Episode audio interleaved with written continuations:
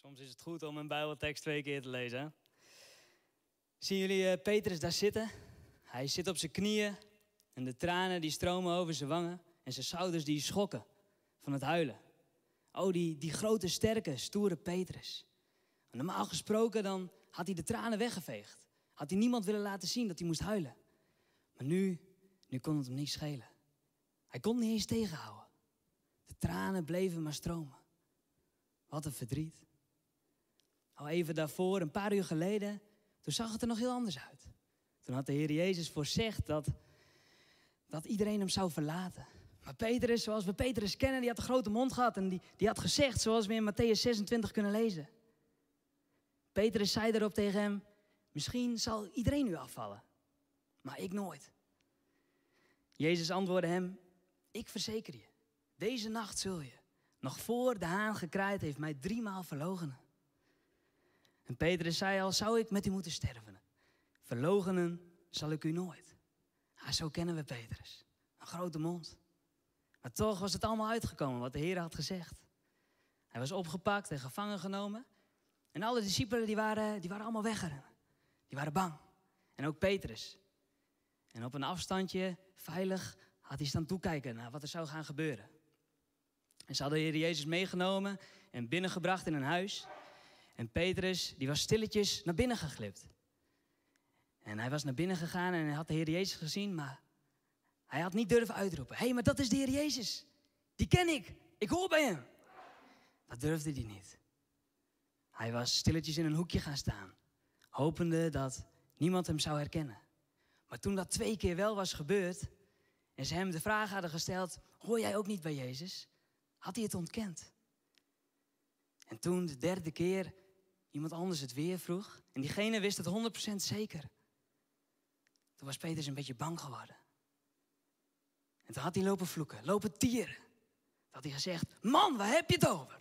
Ik ken die hele Jezus niet. God weet dat ik hem niet ken. Met die hele Heer Jezus heb ik niks te maken. En toen had de haan gekraaid. En had de Heer Jezus zich omgedraaid. En hem in zijn gezicht aangekeken. Oh, en die blik. Ja, Petrus kon het niet aan. En de tranen waren in zijn ogen gesprongen. Hij was naar buiten gevlucht. En op zijn knieën gevallen. En daar zit hij nu te huilen. En achter hem hoort hij hoe de Heer Jezus wordt bespot. Hoe ze grappen over hem maken. Hoe ze hem in zijn gezicht slaan. Hoe ze hem in zijn maag stompen. En hij kan niet aanhoren. Daarom doet hij zijn handen over zijn oren. Ja, Petrus. We praten vaak over Petrus. Over zijn grote mond. Over dat hij altijd haantje de voorste is. Dat hij over het water liep en toen door de golven heen zakte omdat hij te weinig geloof had. Dat hij de Heer Jezus drie keer heeft verlogend. Daar praten we vaak over. Maar hoe zit het nou met ons? Durven wij voor de Heer Jezus op te komen? Thuis? Nou ja, thuis misschien nog wel. Maar op school? Bij de voetbalclub? Op stage of op je werk? Op plekken waar niemand gelooft? Durf je het dan ook? Nou, ik moet heel eerlijk zijn, toen ik nog op school zat, of op plekken kwam waar ik de enige was die naar de kerk ging, dan durfde ik het vaak niet. Dan hield ik vaak mijn mond. Of had ik helemaal geen zin om erover te praten. En als er dan grove grappen werden gemaakt over de kerk, over christenen of over God, dan zei ik maar niks. En soms lachte ik zelfs schaapachtig een beetje mee. Om er maar voor te zorgen dat, dat ik erbij hoorde. Dat ik niet degene was die, die werd gepest. En als het moest, dan vloekte ik me mee. Hoe is dat bij jou? Durf jij voor de Heer uit te komen? Op plekken waar je de enige bent? Of, of moeten we vanavond samen met Petrus neerknielen, met de tranen in onze ogen, en tegen de Heer zeggen: Heer, eigenlijk durven wij het vaak ook niet. Eigenlijk zijn we net zulke grote verraders als dat Petrus is. Kijk, Petrus die staat op. Hij heeft nog steeds de handen over zijn oren. Maar hij kan niet meer aanhoren dat wat hij gehoord in het gebouw, wat ze met de Heer Jezus doen. Dus hij strompelt weg. En hoe verder hij loopt, hoe minder hij daarvan hoort, maar hoe harder een stem in zijn hoofd doorklinkt. Je hebt me verraden. Je hebt gezegd dat je me niet kent, dat je niks met mij te maken wil hebben. Het galmt in zijn hoofd na. We gaan een stukje vooruit in de tijd. We gaan met Petrus mee. Een dikke week verder. Eigenlijk precies de tijd waarin we nu ook leven. Ook wij zijn een week na Pasen. En ik weet niet hoe jouw paasweekend was. Maar ik heb familie opgezocht. En dat was fijn. We hadden een, een paasbrunch. En misschien had jij dat ook. En misschien heb je wel kerkdiensten meegemaakt. Ehm, Goede Vrijdag. Het lijden en het sterven van de Heer Jezus. Of Pasen, de opstanding. En nu, nu gaan we gewoon weer verder. Het leven gaat door. En zo was dat ook voor Petrus. Hij had alles meegemaakt. Het lijden en het sterven, de opstanding. Maar toch liep hij rond met een, een enorme steen in zijn maag. En een, en een stem in zijn hoofd die maar bleef nagalmen. Je hebt hem verraden. Je hebt hem verraden. En nu zijn we een week verder en hij en de andere discipelen waren wezen vissen. En na het vissen had de Heer Jezus hun uitgenodigd om samen met hem te eten. Oh, en ik zie dat voor me, dat de Heer Jezus daar op het strand staat en dat hij de discipelen uitnodigt voor een, ja, een soort van barbecue op het strand. Hoe vet zou dat zijn als de Heer Jezus jou en je vrienden uitnodigt voor een barbecue op het strand? Ja, voor Petrus was dat deze keer niet zo vet. Oh, normaal gesproken wel hoor. Dan was hij aangeschoven. Ja, en dan met zijn blote voeten in het zand. En uh, het vlees of het vis wat ze net gevangen hadden op de barbecue. Misschien wel een biertje in zijn hand. Stoere zeemansverhalen. Ook zie Petrus ervoor aan dat hij een paar goede grappen had gemaakt. Maar vanavond niet. Vanavond niet. Hij was een beetje twijfelend. Hij was stilletjes aangeschoven. Hij wist niet wat hij moest verwachten. Oh, hij had allemaal excuses klaar in zijn hoofd. Maar hij durfde er ook niet over te beginnen. En daarom zei hij maar niets.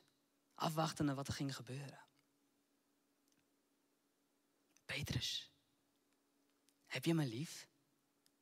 kwam ineens de vraag uit het niets. Hij kwam van de Heer Jezus. Petrus had hem niet zien aankomen.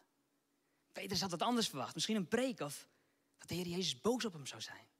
Hij had verwacht dat de Heer Jezus zou zeggen...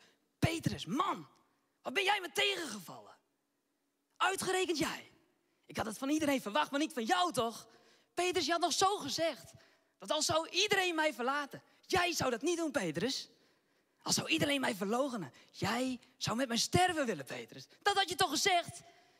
Petrus, wat hebben we samen allemaal meegemaakt? Wat val jij me tegen? Dat had hij verwacht. En toen kwam die vraag. Heb je mij lief? Meer dan alle anderen hier. Want dat had je toch gezegd, Petrus? Maar Petrus had even niet meer zo'n grote mond. Hij stond daar. En hij schoof wat dan rustig heen en weer. En stamelend bracht hij uit. Heer, u, u weet het toch. U weet toch dat ik u lief heb. Maar de vraag kwam nogmaals. Petrus, heb je mij lief? En Johannes, de schrijver van dit boekje, wat je kunt vinden in de Bijbel, die gebruikt twee Griekse woorden voor het woord liefhebben. En als de Heer Jezus vraagt, heb je mij lief? Dan staat daar, Petrus, heb je mij agape? En dat betekent dan ongeveer, Petrus, heb je me zo radicaal lief? Dat je voor me zou willen sterven. Maar normaal gesproken, twee weken geleden, had Petrus geantwoord. Ha, tuurlijk, ik wel. Misschien anderen niet, maar ik wel, heren. Maar nu kon hij dat niet uitbrengen. En daarom gebruikt Petrus een ander woord. Petrus gebruikt het woord filia. Heren, ik heb u filia. En dat betekent ongeveer een liefde als vrienden. Maar de Heer Jezus die, die vraagt het voor een derde keer. En dat kunnen we lezen in Johannes. Ik zoek het er even bij. Johannes 21, vers 17. En voor de derde maal vroeg hij hem, Simon, dat is de oude naam van Petrus, zoon van Johannes, houd je van me? En Petrus werd verdrietig, omdat hij voor de derde keer vroeg of hij van hem hield. En hij zei, Heer, u weet alles. U weet dat ik u lief heb. Maar het mooie aan deze derde vraag is dat de Heer afdaalt naar het niveau van Petrus. Deze derde keer vraagt de Heer niet meer. Petrus, heb jij me agape? Heb je me zo radicaal lief dat je voor me zou willen sterven? Nee. Deze keer daalt hij af, omdat hij weet dat Petrus die liefde niet kan beantwoorden. En daarom vraagt hij deze derde keer, Petrus, heb je me filia? Daar staat Petrus. Hij is stil. Er staat in de Bijbel dat hij er verdrietig van is geworden.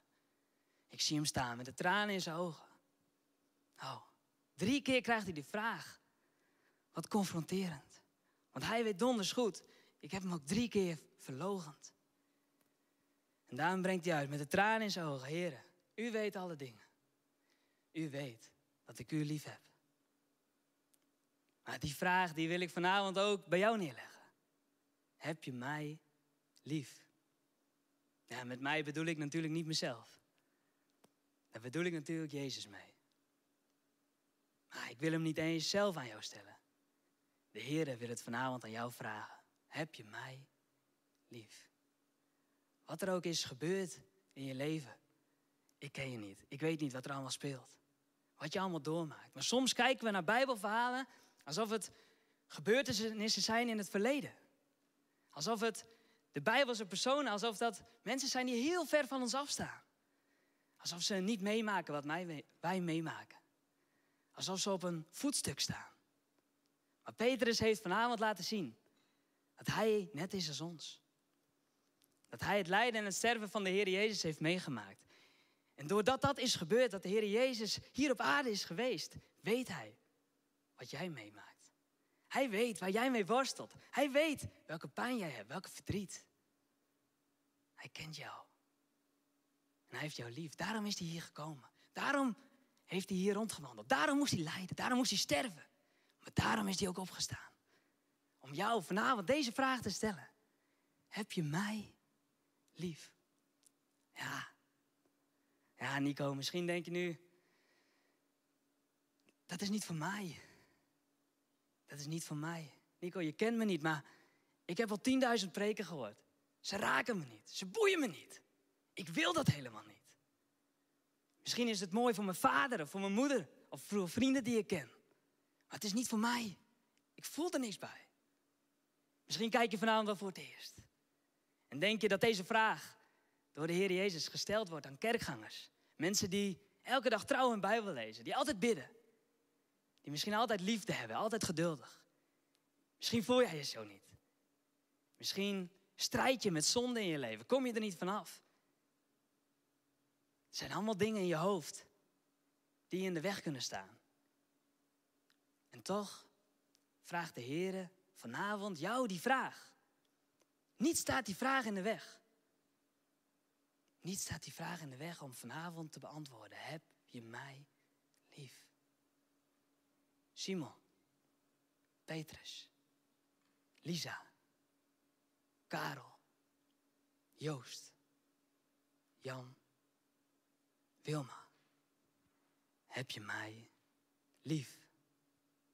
Wat is daarop jouw antwoord?